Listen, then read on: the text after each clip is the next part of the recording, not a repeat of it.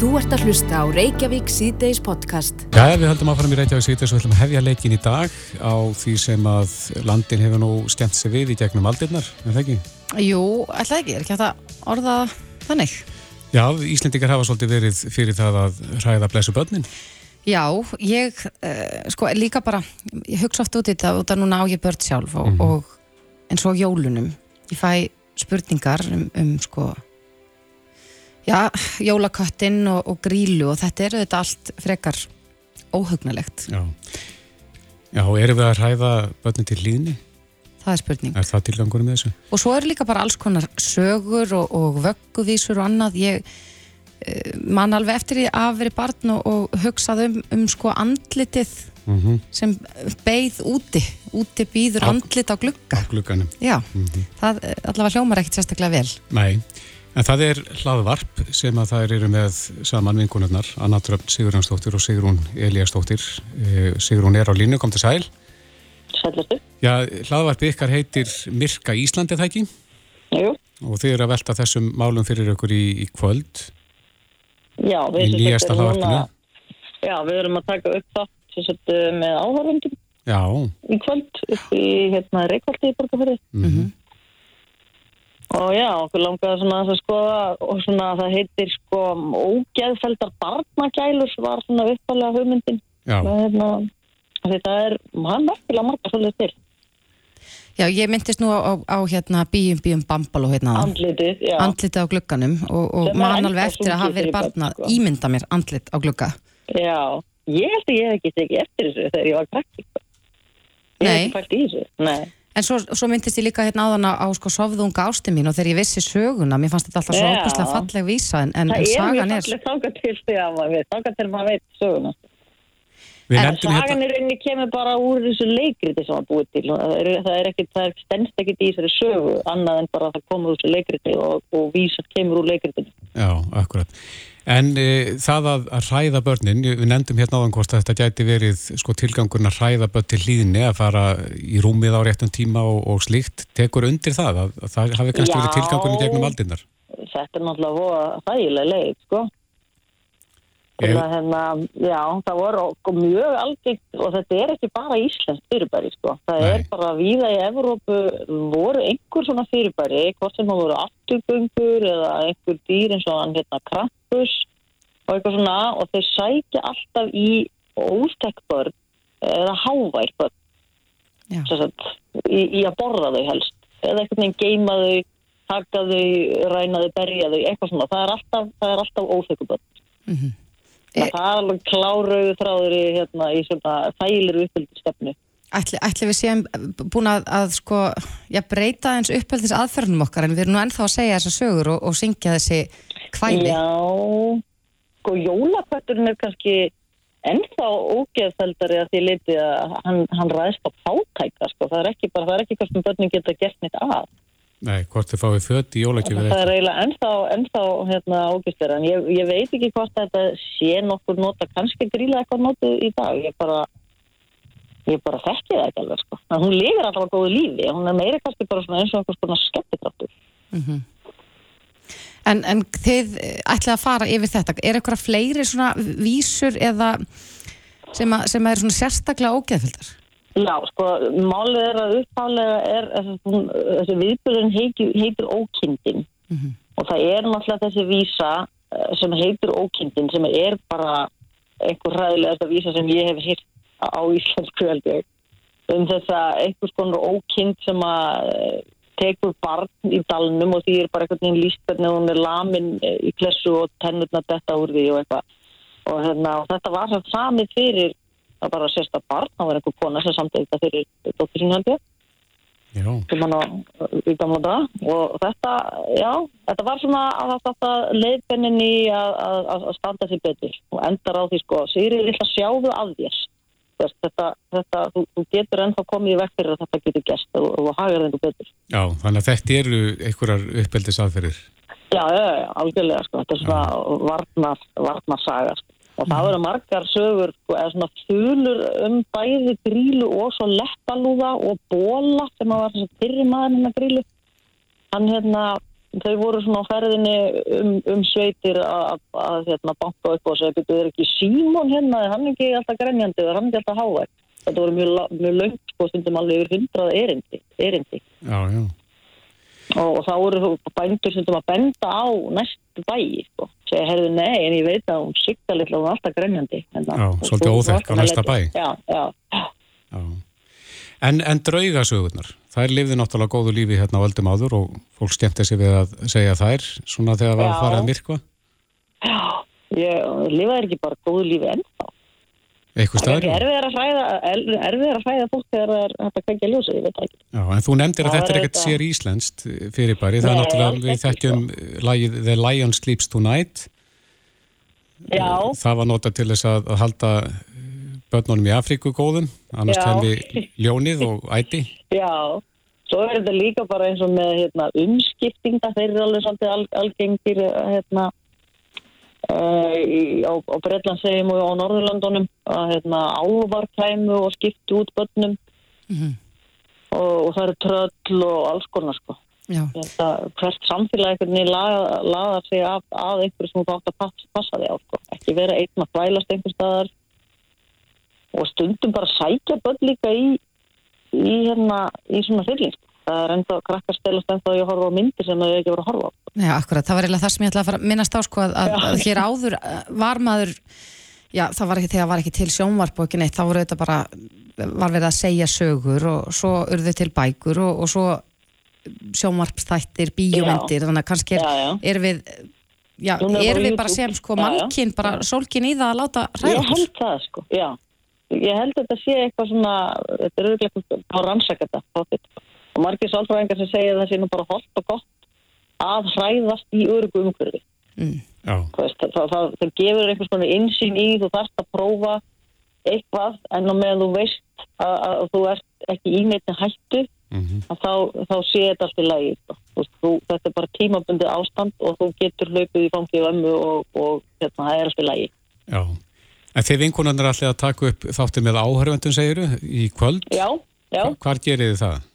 Það er upp í Reykholti hérna í Snorrastofu upp í Borgarfyrði og svo verður þetta aftur í, á Barabar í, hérna, í Borgarnesti á lögadaginn fyrir posta áttunda.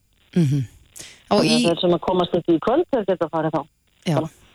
en hlaðvarp ykkar, Myrka Ísland Þe, þeir eru ekki bara að fara yfir barnagjaldnar heldur farið þið bara yfir, ekki satt sko, Já, já, bara þjóðsögur og, og allt sem fræðilegt já. er. Já, ekki löga.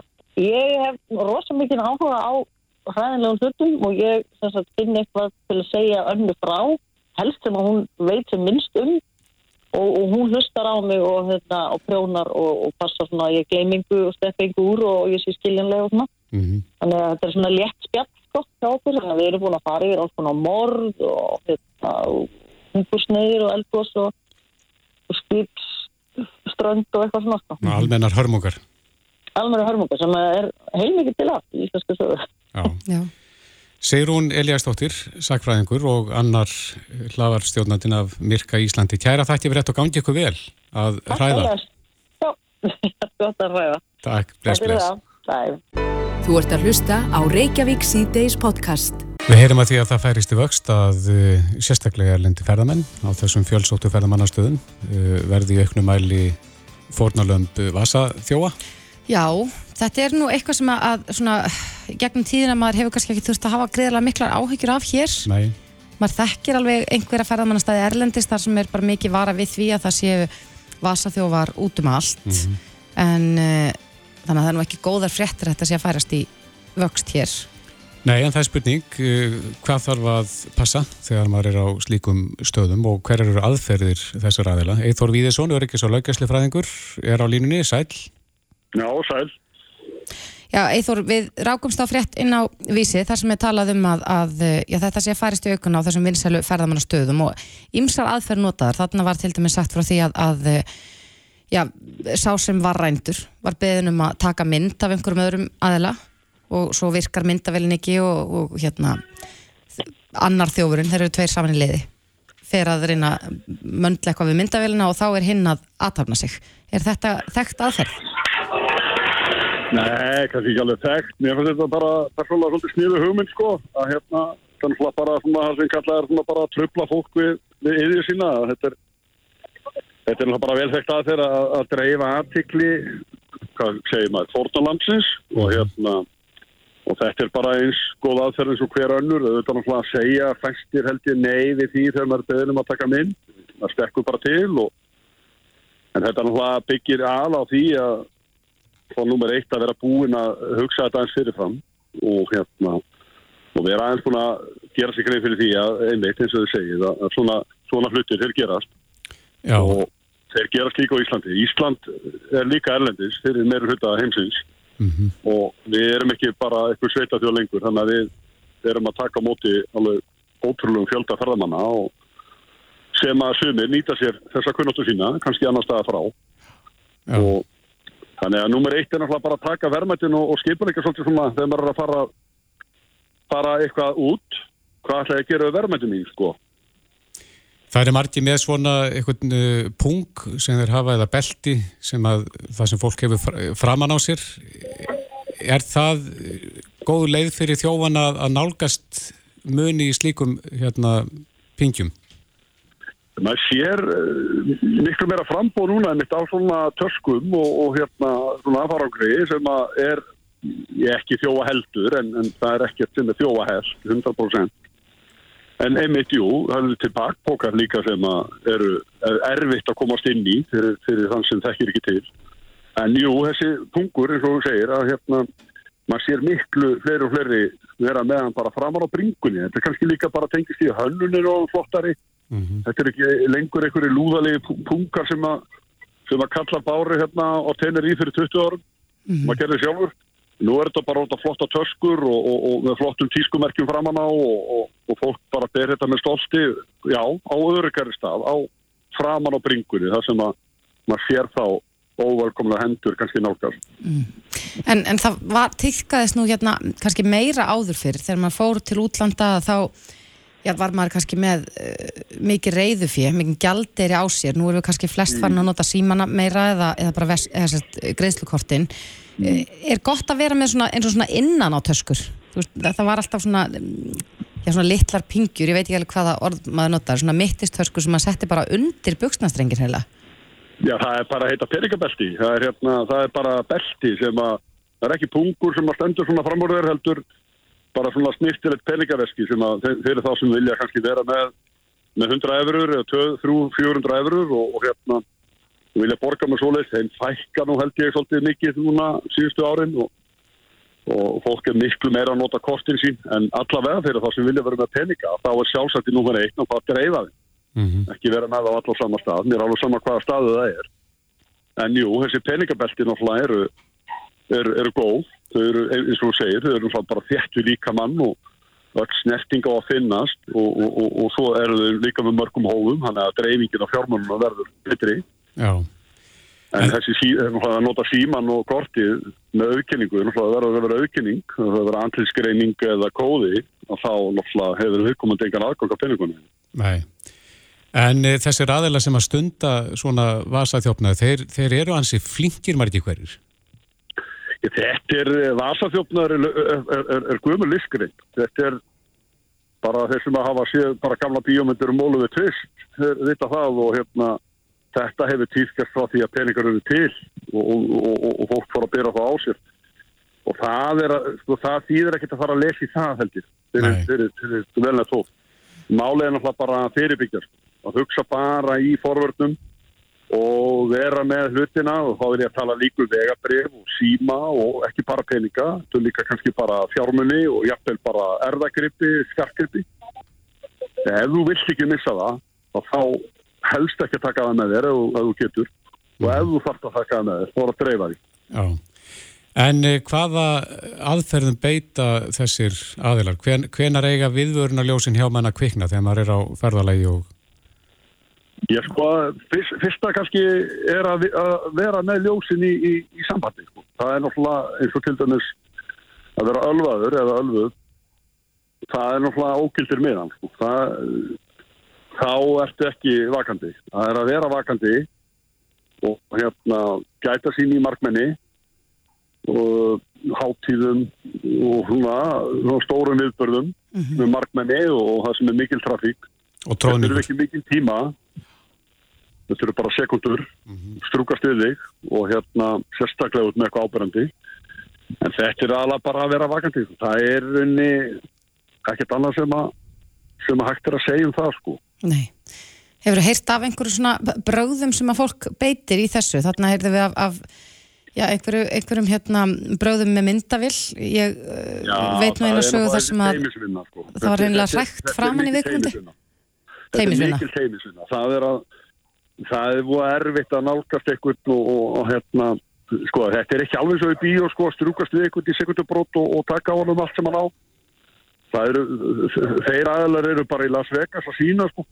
Þannig að uh, það er þessi diversion eins og kallar á ennsku, það er þessi, þessi tröflun það er að tröfla einbettinguna hvað ég var að segja hérna, fara inn á nýta sér góðmennsku fólks eins og þetta með það er að kalla þetta aðstóð við eitthvað þessi myndavela, myndavela taka myndataka uh, aðstóð eitthvað til að být uh, bara hvað sem er bara rifin skór eða bara eitthvað sko. og þau vinna þá í teimum Já. og líka sko bara brútal að segja það en, en ef það er koma í teiminu að þá gengur það strax betur Af hverju? Af við, við treystum konum betur en kvöld en, en hvað með börn? Já, treystum þau náttúrulega fullkomlega þannig að sko að þetta tekur tíma að ná þessari hefni þannig að ég veit ekki ég er ekki við neina tölfræði yfir það börn eru ítrekka notið í valsarhjófnum í ákveðnum löndum í Evropu og víðar. Já. En, e, er er treyst. já, en segðu mér Eithór að því að þetta virðist vera að færast í vöxt og maður heyri það hjá lauruglumönnum sem að starfa við þetta og er að rannsaka þessi mál. Hvernig á að bregðast við? Þetta er ekki eh, saklausari hér heldur en kannski við annar staðar? Nei, við erum bara að flytja fullt af sérfræðþekkingu bæði góða og slæma. Við erum bara fjölbreytilegt samfélag og fjölmenningarsamfélag og við að, við, við, við erum að græða miklu meira því heldur en okkur tíma að tapa á því þannig að við þurfum náttúrulega bara að vera meðvituð um þá, hvað er að segja, ókosti sem að því fylgja það í öllum hópum er óvandaðir einstaklinga þannig að ef við erum að, við erum að taka vel á móti fólki og, og bjóða þeim að að aðlast samfélagum okkar og þá er einhverju sem að taka það ákvörður um að gera það ekki Já. og það er bara umræða og, og, og, og upplýsingar og lögregla að vera tuglega að láta okkur vita um aðferðir, Mhm. sérstaklega þegar það breytast eitthvað. En þarf að Svo er líka bæta, hægt að ringja í öryggisærfræðing og spyrja hann ráða. já, akkurat, en e, þarf að bæta myndavel eftirlit á þessum fjölförnu ferðamannastöðum? Myndavel að stoppa ekki vallið upp með. Nei, en kannski upplýsa mál. Já, já, já, það voru kannski komin inn í viðbröðin og, og, og það er kannski gott að láta fólk vita því að það er náttúrulega sko, það er svona samfélagsáttmálum það að vasarhjófna sé ósættalegur og, og, og oft eins og þingpöllum það voru náttúrulega lítið að lauruglumannum eða lauruglufólki þannig að fyrstu viðbröð væri kannski að, að, að láta vita bara, herri, þetta er horfið og, og hérna, ég sakna uh, fjármannina mína eða veskisins eða símans eða hvað það er. Og, og kalla það bara eins upp og, og byggja fólk um að líti kringu sig og, þá kannski þessi, þessi, þessi óbrúkni, hann kannski verður hlættur og byrjar að hlaupa eða sína þessi hegðun sem kannski verður áberandi. En það er náttúrulega bara líka að gæta eigin öryggis og ég held að það sé engin með neitt á sér sem er meira virði heldur en líf og helsa Nei, þannig að það þarf líka gæta hófs í, í viðbröðum hvað það varvar já. Er þetta, heldur þetta sé bara fylgifiskur ferðamennskunar að, að eh, þegar að ferðamenn eru orðnir svona margir hér að, að, þá sjá óbrútnir aðilar sem leika borðið þar? Afbrotur eru fylgifiskar mannkinn, þannig að já, ef við verum að taka móti ferðamennum og þá, ferðamenn eru, ferðamenn eru svona, hvað ég að segja, þetta er fólk sem hefur efnað að ferðast og þá var það með verðmætti á sér.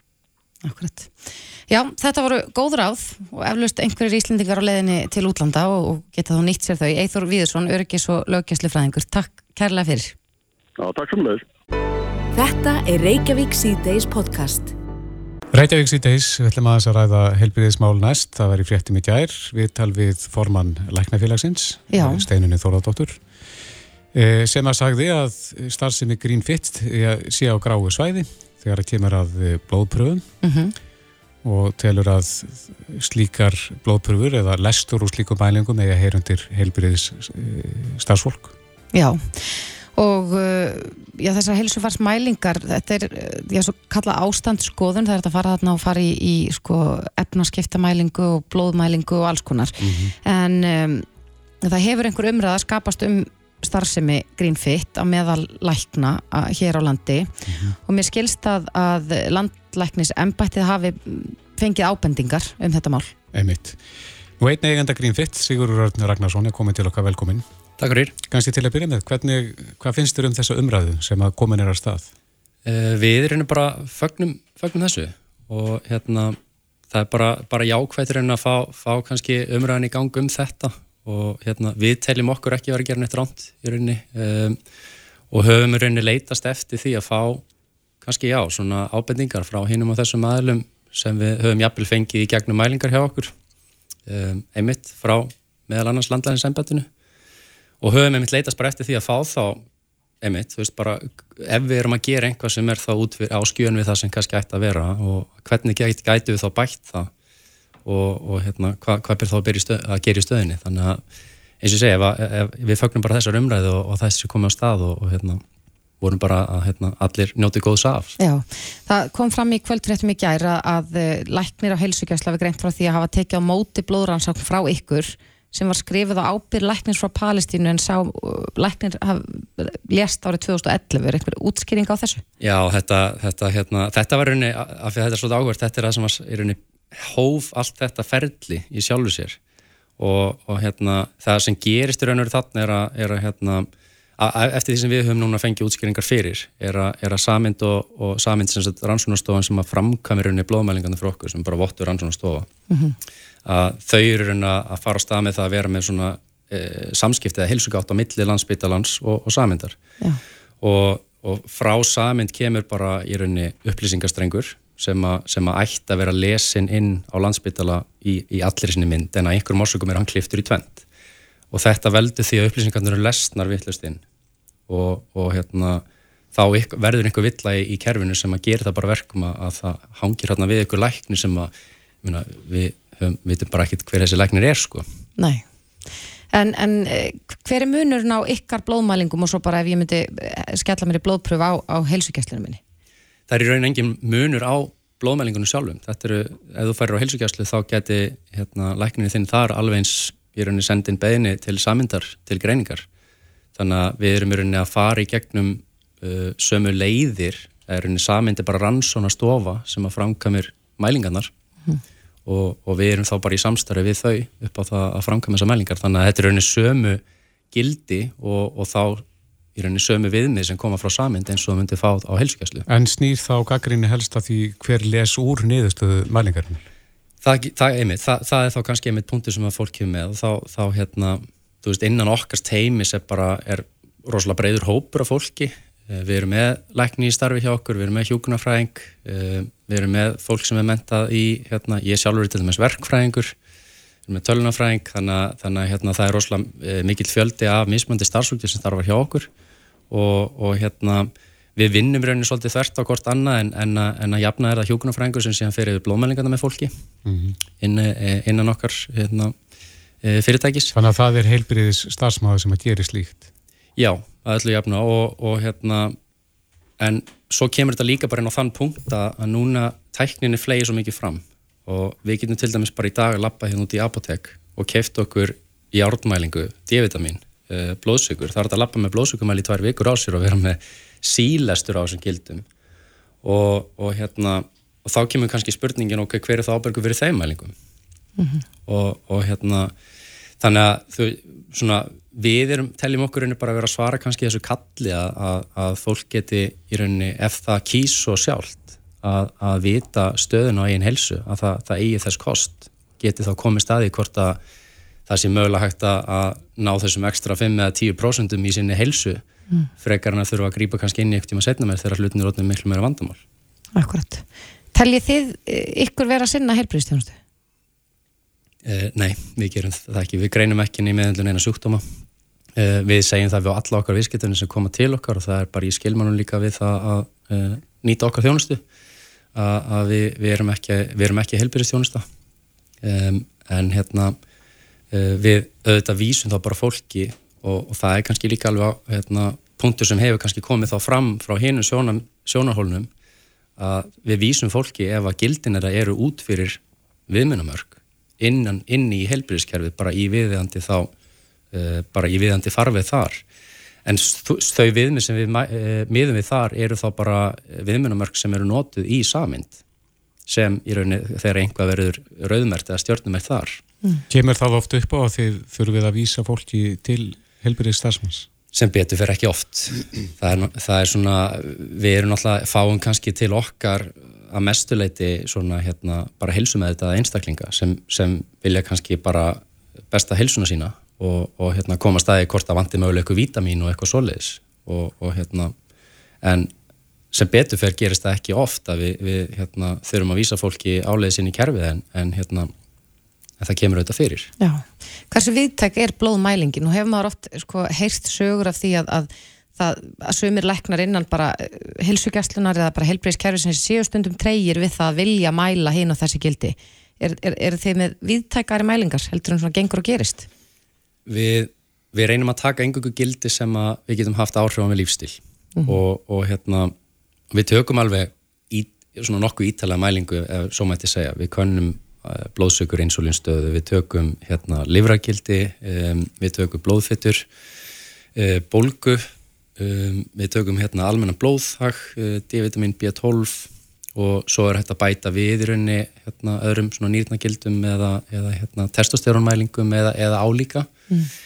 Um, en það sem, það sem er kannski svona, uh, komur að segja, hérna hömlunar kannski í, í kerfin okkar eru náttúrulega bara þæra að blóðmælingar almennt og þetta er ofta eitthvað sem fólk kannski átt að segja endilega á eru bara í grunni mjög dýra mælingar og, og hérna þá, þá kannski er uh, neikvæðu kvati kannski að vera að mæla einhver gildi sem einhverju myndi segja að vera kannski óþarfi.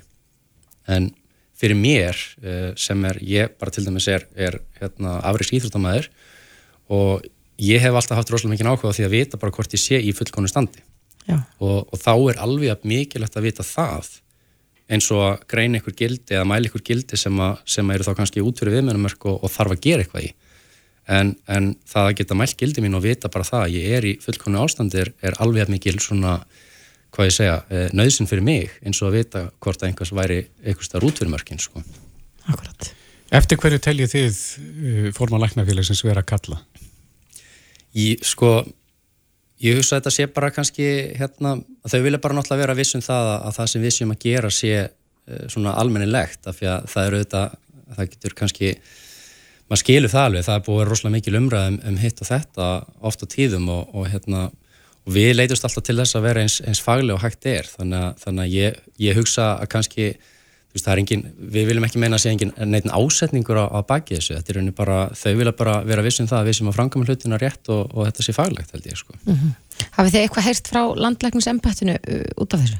Uh, nei, við höfum í rauninni frá upp að við ekki heyrst í neinum í rauninni, það er engin korki uh, læknandir inn á þessari síðu sem þess að þetta spjall byrjaði, það er engin hatt sambandið okkur þar nýja fengið neitt frá embattinu sjálfu, þannig að Akkurat. En þú talar um að þið er að mæla hluti sem er hægt að hafa áhrif á með lífstíl. Hvað skiptir mest um máli? Við erum að tala um þessi gildi sem þú talar um, auðvitað mm -hmm. D-vitamin, er, er það ekki kannski algeng, mjög algengt að fólk mælist látt þar? Jú, það er, það, það er mjög algengt. Já, en hvað er, hvað, er þetta aðalega þá mataræði eða reyfing eða samblanda af öllu? Það getur verið blanda af mörgu. Um, fyrir marga er þetta kannski svolítið hræri gröður bara af, af mörgu. Og eins og segja við gerum fleiri mælingar, við gerum efnaskiptamælingar, við gerum álagsmælingar þess að við mælum til dæmis súröfnsupptöku og það er til dæmis bara góða punktur. Hvernig eru þessa mælingar frábærunar blóðmælingum?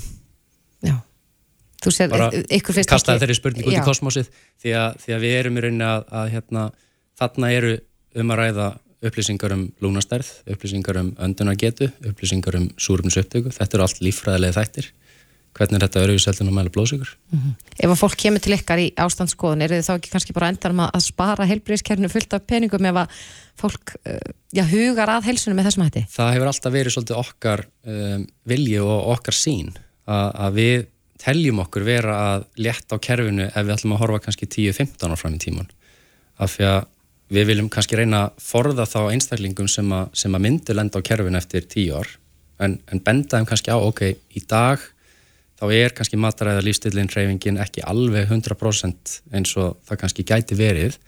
Og þá hvetja fólk með því að setja eh, gildin þeirra fram á, á svona hvetjandi hátt, hvetja til þess að fara að gera ykkur á breytingar. Og svo einmitt ef þau koma aftur og sjá, sjá jákvæð áhrif að þá einmitt hérna, haldið áfram sem við braut. Mm -hmm. Hvað fara margir í gegni á ykkur á ári? Uff, hvað spurning. Þetta er hérna, við höfum verið að fá alveg kannski upp í svona 8 manns á dag Já, svona jafnæði Svona meðaltali. Mm -hmm. þannig að hérna, það er komin hansi góði fjöldi á þetta núna og, og hérna komið mjög góð bara reynsla á það hvað hva virkar. Og eins og við spurðum um aðan bara hvað hva svona flesti geti gerst að, að hérna, það er rosalega, reyfingin er rosalega mikilvæg. Og, og hérna við leggjum áslá fyrir fólk að það, það reynir svolítið að e, borða reynd, við erum kallum þetta bara svolítið að borða frá upprunanum um, að, að hérna, ekki vera mikið unninni fæðu sem er, sem er inn í pakka og hefur 17 innhaldsefni og mm. maður skilur ekki helmingin að þeim mm -hmm. að vera svolítið bara svona, já, borða frá upprunanum og, og, hérna, og stunda svo, svona almenna hreyfingu, það er auðvitað bara það sem er kannski alltaf vera áleggingi fyrir flesta já. maður er ekki að segja neitt nýtt en, en mælingarna geta kannski gefið þér aðeins dýbri sín í það ok, hvað þýðir fullkomi hreyfing fyrir mig með að við mitt eigi kerfi í dag og, og hérna, þá er það umræðið sem við tökum með hverju mænum Og þið hafið séð bara uh, fólk koma inn í fyrstu mælingu og uh, fylgja sér ykkar ráðleggingum. Mm -hmm. koma svo aftur og, og þá sér fólk bara markverðan mun eða hvað? Algjörlega, ég, ég get bara nefnt það. Við séð, hérna, það er eitt gildi sem við nota sem, það kallast langtíma sigur það er nota sem, sem til að greina uh, bæði forsti sigursíki og svo sigursíki 2 og, og það er, það er hérna, eðlilegt að vera kannski, við myndum segja að vera í fullkomi ástand að vera í kringum svona 5-5,1% uh, við höfum fengið einstakling einn til okkar sem var 6,1% og eftir fjóra mánu eftir að fylgja bara ákveð, ákveðnu plani að þá var gildi kominir í 5,5 Er mikill munur þarna á? Það er gífileg munur þarna á og, og semst, fórsti sikursíki er skilgreint í 5,7% á meðan að sikursíkin er 6,5% þannig að mm -hmm. þú ferður úr því að vera þarna á milli og yfir í það að vera henni bara teljast eðlur mm -hmm. Ef við kannski endum á því sem við byrjuðum á það er að segja áhyggjur formanslæknafélagsins mm -hmm. teljið ykkur hafa góða þekkingu til þess að lesa út úr þessum blóbröfum?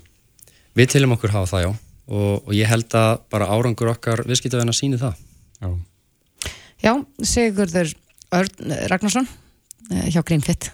Kæra þakk fyrir að koma og gangi ykkur vel. Takk hjá það fyrir mig. Þetta er Reykjavík C-Days podcast Það er alltaf gaman að heyra af íslenska nýsköpun. Já. Og þegar að íslensku fyrirtengi gengur vel og ég tala um koma með nýjungarinn að marka en við heyrðum í Höllur Hund uh, orkumálar ekki orkumálar á þeirra heldur orku stjóra, orkumálar stjóra Já. í gær. Og hún sagði að byltingi næsta mun leikja í raflöðu Já, við auðvitað, sko, raflöður eru ekki lengur bara eitthvað svona AA-batteri sem maður er með í fjárstringunum sínum heldur bara öllum þessum viðtækjum sem við erum alltaf að nota Já, já. tölfur og símar og rafmakslaupahjól og, og svo auðvitað bara bílar líka Einmitt, núna einmitt. en við heyrðum af því að, að það er uh, íslenskt fyrirtæki sem er að búa til raflöður úr áli Já, sem eru bæði hættu minni og spara orku skilst okkur? já Linda Fanney Valdíðsdóttir framkvæmdastjóri Alor er komið til okkar velkomin Takk fyrir. Er þetta rétt? Við heyrum ofta af brunum í svona ymsum tækjum en Já. brenna þessar raflöður ekki? Nei, þær gera það ekki og það er svona eitt af þeim, af þeim kostum sem að okkar raflöður hafa fram yfir uh, vöru sem eru á marka í dag. mm, ég kann, það er kannski aðeins að hérna, taka eitt skrið tilbaka og, og segja við erum að hérna, vinna að þróun á þessum lausnum, við erum ekki komið með lausnir að marka en það sem við erum komið með er í rauninni svona mm, hvað ég segja, stærsta pústlið Eh, það er raflöðu kemistrian sem er búið að rannsaka núna síðustu tíu ár og þróa. Og álraflöður eru ekki nýjar undir sólinni en þær hafa uh, átt við það vandamál að stríða að þær hafa það hafa verið svona tæringar vandamál innan í þeim. Er þið búin að leysa það? við erum búin að leysa það. Já, og hérna það er reyni svona leinlega samsetning á, á ráöfnum sem að leiði til þess að við höfum náð alveg afskaplega lungum endingatíma, alltaf tvís og til þrís sem lengri en á markað í dag. Um, en ég þarf samt að segja að sko við erum ekki að horfa á til dæmis bílabatteri eða hérna, batteri síma þess að þar heldur eru við að fara að koma marka með lausni sem eru svo kallar kirstaðaraflur eða stationary batteries Er það við húsnæði og slíkt sem er Já. alltaf saman staðnum? Til dæmis, uh, þær eru mikið nýtta til þess sem svona orku geimslur, uh, til dæmis með vind og, og sólarorku. Þegar að, þegar að vindin lægir og sólinn sest, þá viltu þetta ekki vera ramaslaus og hérna þá þarf þetta að geta, við erum búin að geima orkunu og nýta hana þegar að áþarf að halda. Og það í rauninni er svona einn af nótkunum möguleikunum, svo er markaður sem er mjög falinn en hann er uh, viðtækur og það er varafl og eh, til dæmis á Íslandi er alveg gríðarlega margir aðeila sem nýta varaflslausnir og í rauninni, maður getur hugsað svo allir þeir sem að mega ekki missa eða verða ramaslausir í bara sekundu. Mm Og- Eins og þetta fyrirtæki hér til dæmis, Akkurat. spítalar og slíkt. Já, flugvellir, uh, hérna, gagnaverin til dæmis, þetta, er mjög margir aðlar og, og margir er að nýta mm, svo kallar ólíuknúið varafl í þessum tilgangi. Og það fer alveg gríðalega ólíja í þetta og mér skilst að, að tölunar núna síðustu mánuði hafi bara náð nýjum hæðum sem er auðvitað mjög sorglegt þegar við erum að reyna að róa því öllum árum að, komast í orkuskiptin en við erum að hefja núna á næstu mánuðum, sannlega í mæ eða júni, þá, þá ætlum við að hefja e, verkefni sem snýra því að innleiða álraflöðnar okkar samhliða ólíuknúnu varafli. Þannig að við erum sérst að stöla því að draga úr ólíunótkun og þar með kostnaði og losun í skrefum. Þannig að aðlarnir eru með ólíuknúna varafli sitt á stanum en innleiða sem sagt e, þessar raflöðu lausnir, þetta er svo hybrid bíl að þú gengur fyrst á mm raflöðuna og síðan oljuna. En gæti þetta nýst til dæmis eh, á fiskiflótan? Já, en við ætlum að gera þetta í skrefum vegna þess að við byrjum ekki með risastóra laust, heldur minni. Og við ætlum þess vegna að í rauninni að skala þetta upp með tímanum. Og það sem við ætlum líka að gera í þessu verkefni er að innleiða vindturbínur og sólarsellur, svona litlar, til þess að sjá hversu látt við getum farið í ólínutkunni.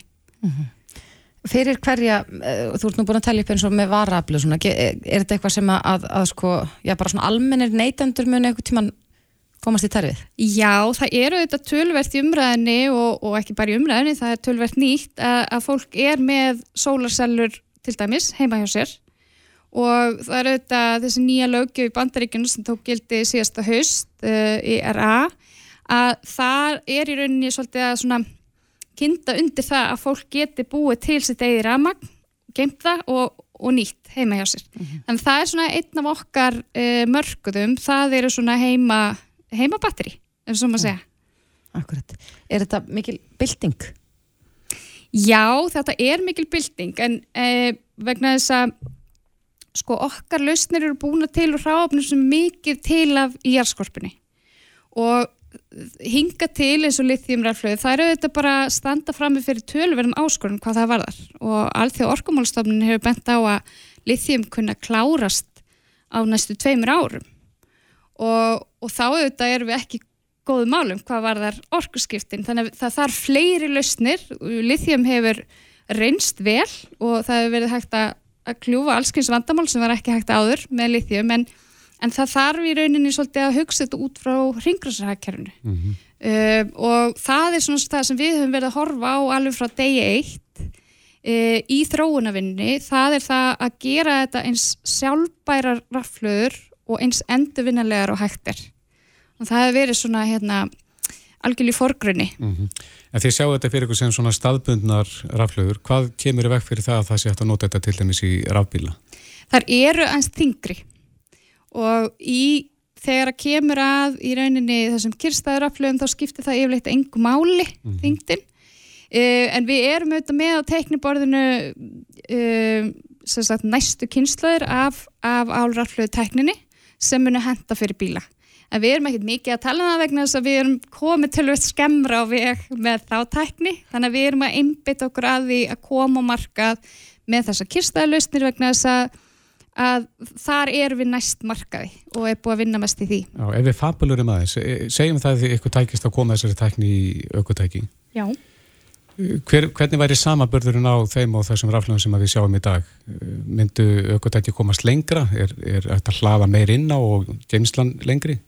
Það er sko nú, ég ætla að reyna að vera ekki mjög tæknileg en það er í rauninni mjög hægt að hra, hlaða mjög hratt inn á þessar raflöður sem að hérna gera það verkum að þetta er mjög ákjósalegt í bíla. Já, hraðar heldur en lithium. Já, mm -hmm. og hérna það er svona það sem hefur verið hort mikið til en það er líka þetta auðvitað með að það er hvorki springan í kveiknar í þeim og, og hérna, við finnum það alveg að þetta skiptir aðeila mjög miklu máli hvort sem það eru hérna, bílafyrirtækin sem við erum í samtölu við eða, eða aðeila sem að hérna, myndu nýta kyrstaðalustindar að það er þetta sko að, að það er svo erfitt að flytja mörgasi batteri hérna eins og lithium með flugi, það er bara takmark fyrir því hvað má flytja mörg með hverju vél mm. ef skekk kynni að það myndu springa. Mm -hmm. Er það þess vegna sem, ég var í flugi um daginn og, og þetta er, er hérna alltaf, maður má ekki vera með uh, slík batteri í, í sko törskunni sem maður setur í, í mm -hmm. faranguskemsluna, er það út af hættin að það geta kviknaði? Já. Mm -hmm. En þá er það stóra spurningin sem ég veit að margir er veltað fyrir sér. Er notað Íslands ál? Já, það er góð spurning. Við myndum helst vilja það, uh, en hinga til hefur ekki verið í raunnið svo áfram vinsla sem við þurfum. Við þurfum mjög þunnar álþinnur sem að það nota svona stort kökukepli, valsara græja til þess að hérna fletja út. fletja út en það hefur ekki verið, sem sagt álverðin eru ekki með slíka græju hérna á Íslandi þannig að við höfum verið að kaupa þinnurnar frá Kanada þar sem það eru framleita með sjálfbærum hætti. Ég er að vísa að koma hérna úr frá nýsköpunamóti álklassans hérna rétt aðan og það voru mörgóðs samtöl en ég vona svo sannlega að við munum geta það. Já, þetta er spennandi og, og verður gaman að fylgjast áfram með ykkur en Linda Fanni Valgersdóttir, frangandastjóri Alor. Takk kærlega fyrir komina. Takk fyrir mig. Reykjavík síðdeis á Bilginni podcast. Við rákumst á ansi áhugaverða frétta viðtal í fréttablaðinu þar sem er fjallað um, um nýtt íslenskt fyrirtæki sem heitir Varlega. Mm -hmm. Þetta fyrirtæki flytur inn og selur vímuöfnapróf og þegar ég eh, las þetta fyrst þá hugsaði ég já, þetta eru eitthvað svona próf til þess að ég kanna hvort að sá sem tekur prófið hafi tekið vímuöfni. Já, eitthvað svona þvagpröfið að slíkt. Já, já, en svo er alls ekki. Þetta eru já, próf sem að, að, að sko mæla styrkleika og fleira í vímuöfnum. Já, það er ekki verið svona gæðapróf. Já, einhvers konar. Mm -hmm. Við vorum allavega forvitin að vita meira Já. og þess vegna er hann sestur hjá okkur, Kristinn Ingvarsson, sem er eh, annar stopnenda varlega. Kom til sæl. Sæl. Já, eins og, eins og ég segi, fyrst er ég last að held ég að þetta væri bara svona þápröfur eins og maður sé nú bara í apotekum og, og getur fengið víða, en svo er alls ekki. Nei, alls ekki. Þetta er svo að ætla til að prófa sjálf öfnin, vímöfnin, mm -hmm. og aðalega er þetta próf sem að skíma bara fyrir einu virka efni sem að þú getur þá sannreint til dæmis hvort að efni sem þú hefur sé raunverulega efni sem þú taldir að vera að kaupa Er það mismændi próf eftir efnum? Já, Já. Og hvað, hvað sýnir síðan e, prófið? Og þau í sinni innfylgdustu mynd sína þá bara hvort að þetta er staðar eða ekki engan mm. styrkleika, engin önnur efni mm -hmm. bara er þetta efni til staðar eða er það ekki. En er þá ekki að sjá hvort það sé búið að blanda öðrum efnum sama við? Jú, svo erum við með önnu próf mm -hmm. fyrir það og það er til dæmis með svona stærri kit, margnandapróf skima fyrir ímsu sko mm -hmm. og svo eigum við líka einnúta próf fyrir reyndar bara kókain það er líka það efni sem er komast blandað í mm -hmm. alls konar íblöndunarefnum sem er þá ímist til að drýja vöruna eða til að bæta einhverjum áhrifum við. Mm -hmm. Nú er kannski einhverju hlustundir sem bara hreista hausin vegna þess að, að það er nokkja hverjum degi sem maður talar um það að kaupa próf til þess að sannreina hvort að kókain sé kókain en þetta er, er mikilvægt fyrir þá sem að, að uh, neyta vímöfna til þess að bara sem öryggis ráðstöðun líka. Já og sko já, þetta er bara eins og þegar það var áfengisbann á Íslandi. Þá kom upp alls konar uh, vandræði með heimabrugg Mhm. skilur, það var eitthvað óæskilegt í því kannski stundum og sá sem keifta eða jáfnvel sá sem seldi það vissi ekki á því. Já, já maður heyrði nú sögur það af, er af bara tilfelli í dag á svörtu markaði Já. vímöfna og þetta ekkert eftirlit þar?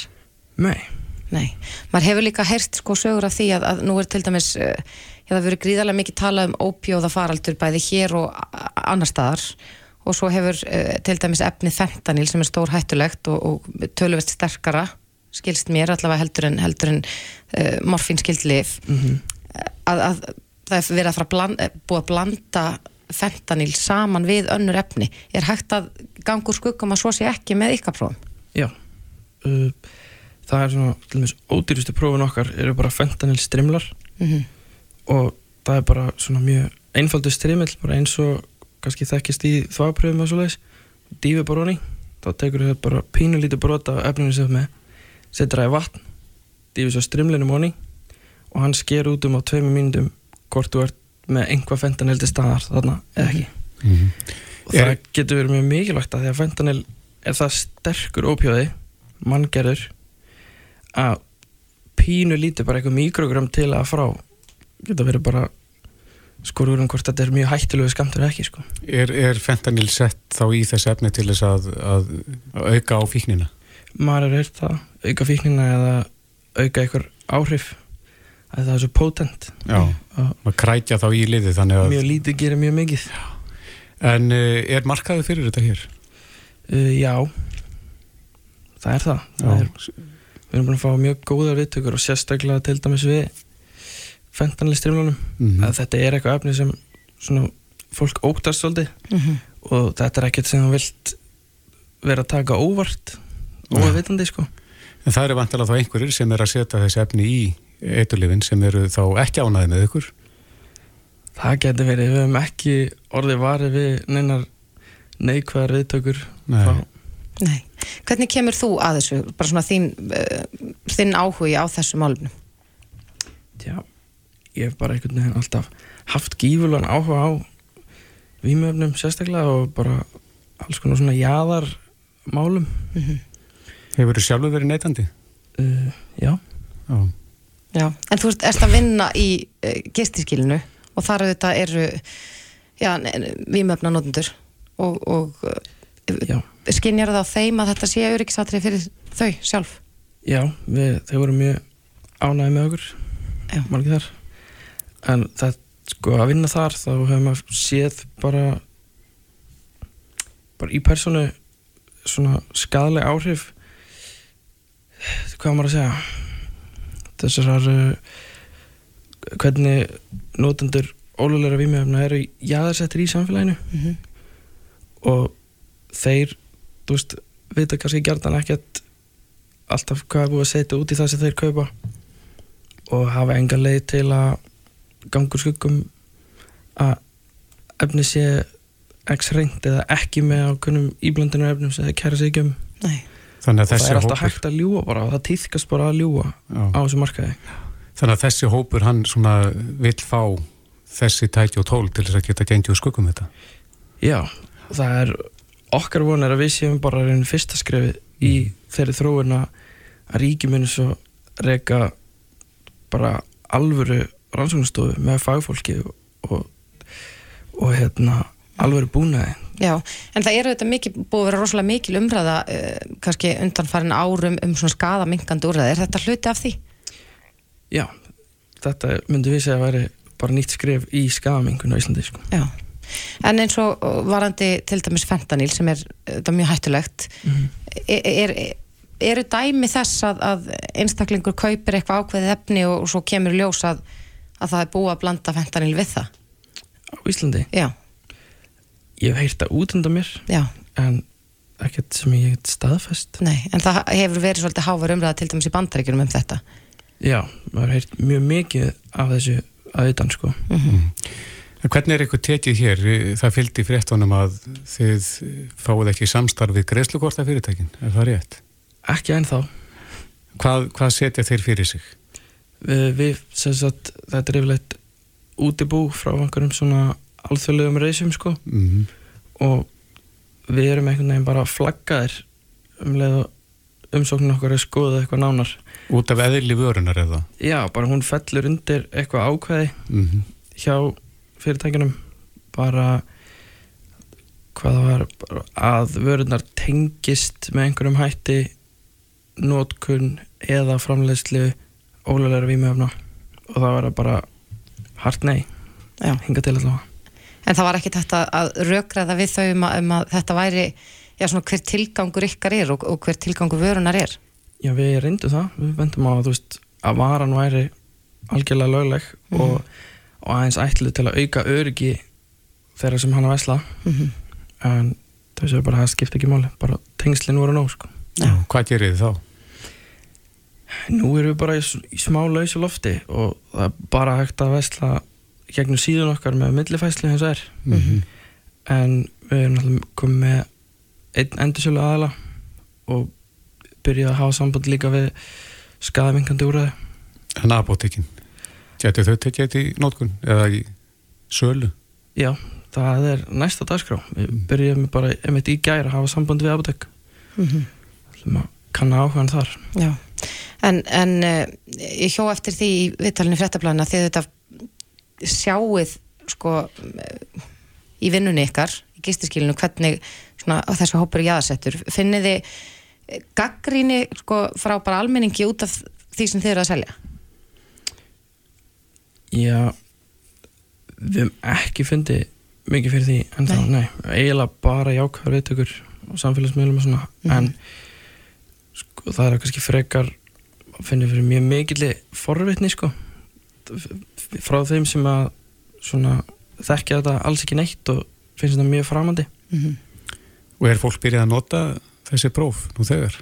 Já, við hefum fengið senda til okkar eitthvað svona myndir og Já. af þeim í nótkunn og svona Og hvernig eru niðurstöðnar? Er efnir hrein? Uh, við, uh, varðandi það höfum við fengið allavega einu mynd senda þar sem að var að koma fram einhver íblöndunarefni Já, já. hvers slags íblöndunarfn eru þetta?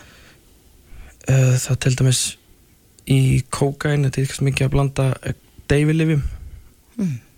og til dæmis sko já, svona svipað á tannlæknum nota Já, Novocaine og Benzocaine þetta er satt að þegar kókain á að hafa svona deyfandi áhrif í munni að nef og ef þú blandar þessum deyfi efnum út í þá fær neytandinn þá upplifun að það sé kannski miklu hreitna efni en að raunverulega er þegar hann kaupir það.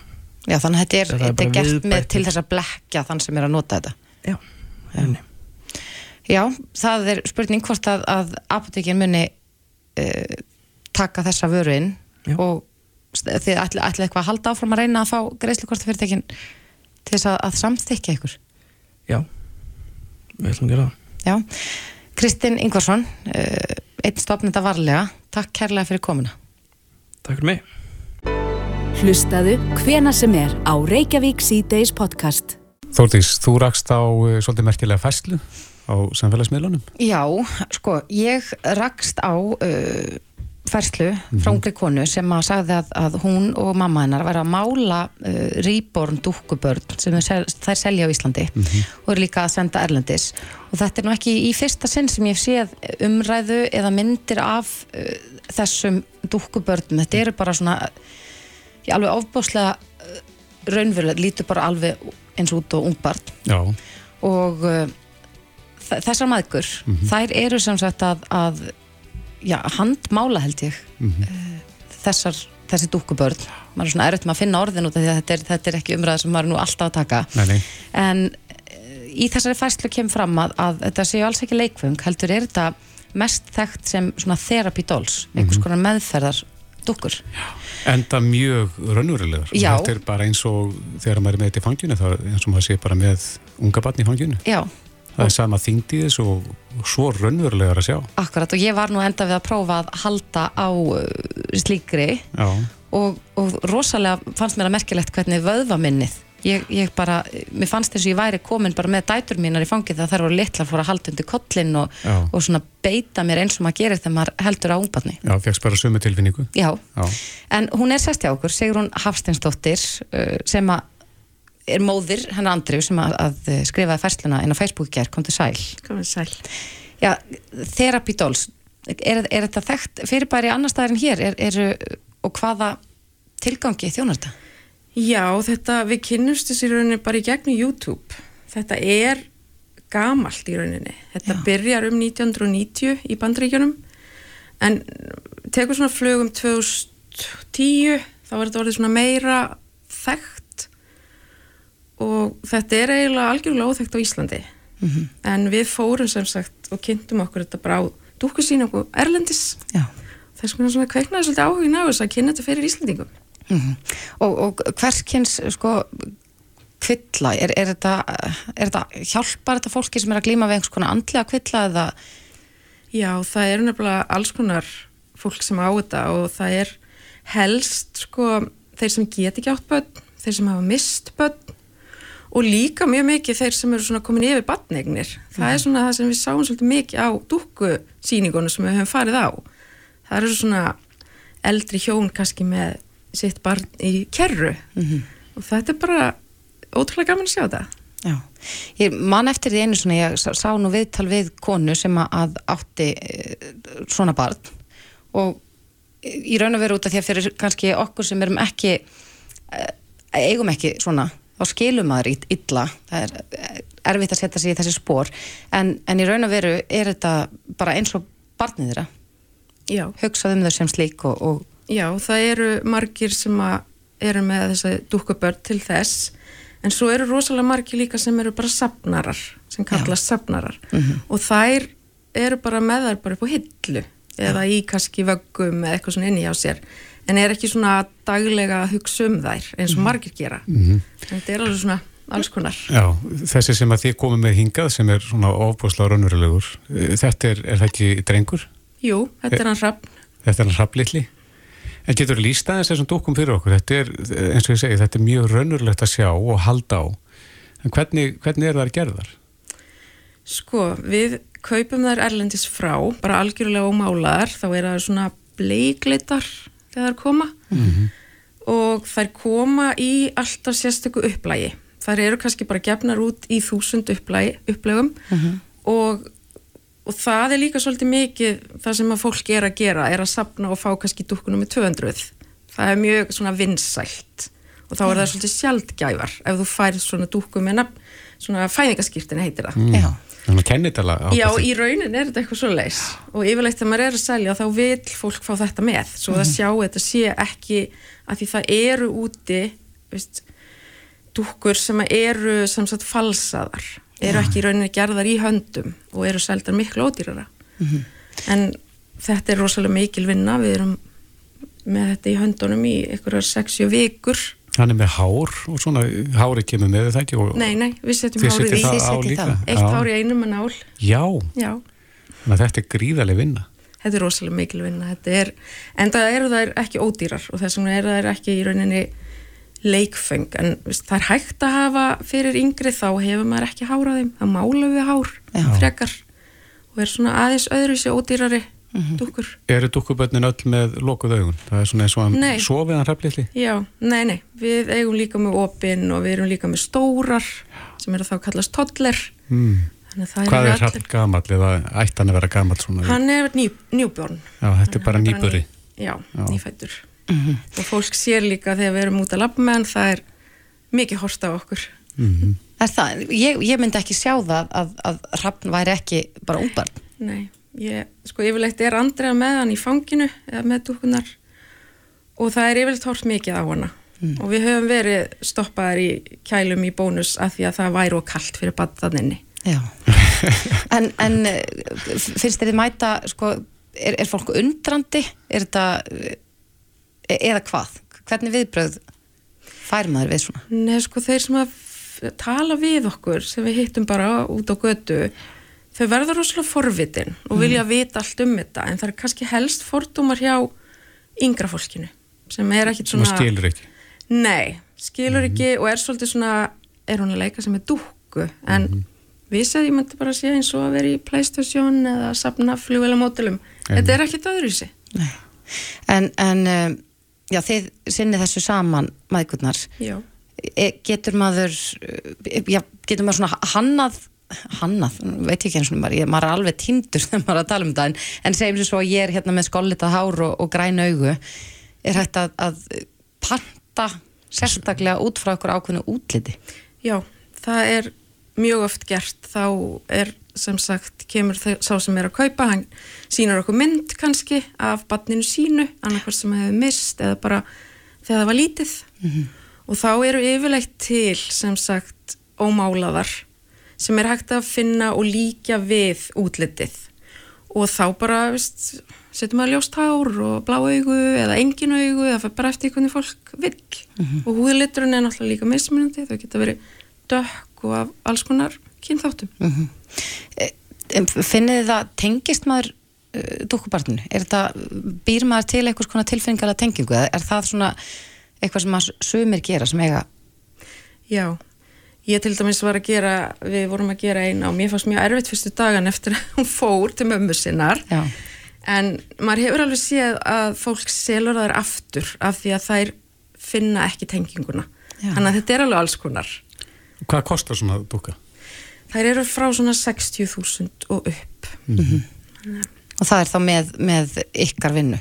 Já, það er svona ódýrustu eru þessar sem er ekki með hár og lókuð augu sem er svona minni vinna við Já.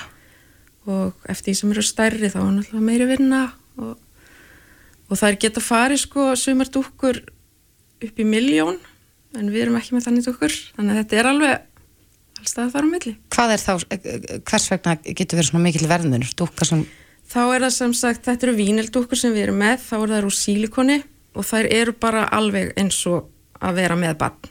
já, Þú getur líka baða þær á meðan vínildúkkunar eru sem sagt með líkama úr sem sagt bara svona eins og bangsi efni já, og þær, já, þær eru raunverulegri. Það er svona að hreyfa sig öðruvísi það teknar upp og þær eru líka mjög vinsalega sko en ég held sér ekki markaður fyrir þær á Íslandi. nei. Hafið þið selt margar uh, slíkar hér heima? Við gerum ekki hérna Er, nei, bara margar, marg, mörg dúkkubörn yfir Já, höfuð? við höfum selt nokkrar og mikið af fyrirspurnum Mhm. en þetta er náttúrulega langu tími sem þarf að býða það þarf að býða kannski tvo mánuði eftir það þarf alltaf að gera þetta í viss, vissri svona röð og það þarf að býða eftir nokkuð lög af málingu málingin er rosalega þunn sett á kannski 30 lög af málingu þannig að og svo þarf þetta að býða í eitthvað daga og svo þarf að setja hárið þannig að þetta er alveg þetta er viss prósess Mm. Fyrir þá sem hafa áhuga, hvað er þetta að komast í samband við ykkur? Við erum með Facebook síðu sem heitir Bambi Little Nursery og við erum með hann á ennsku svo við höfum svona alþjóðlegt líka Já. kontakt. Bambi Little Nursery, Já. það eru þið. Já. Já. Þetta er áhugavert, Sigrún Hafstinsdóttir, kæra þakki fyrir komuna og gangi ykkur vel. Takk fyrir. Þórdís, þú rakst á uh, Reykjavík síðdeis á Bilginni podcast.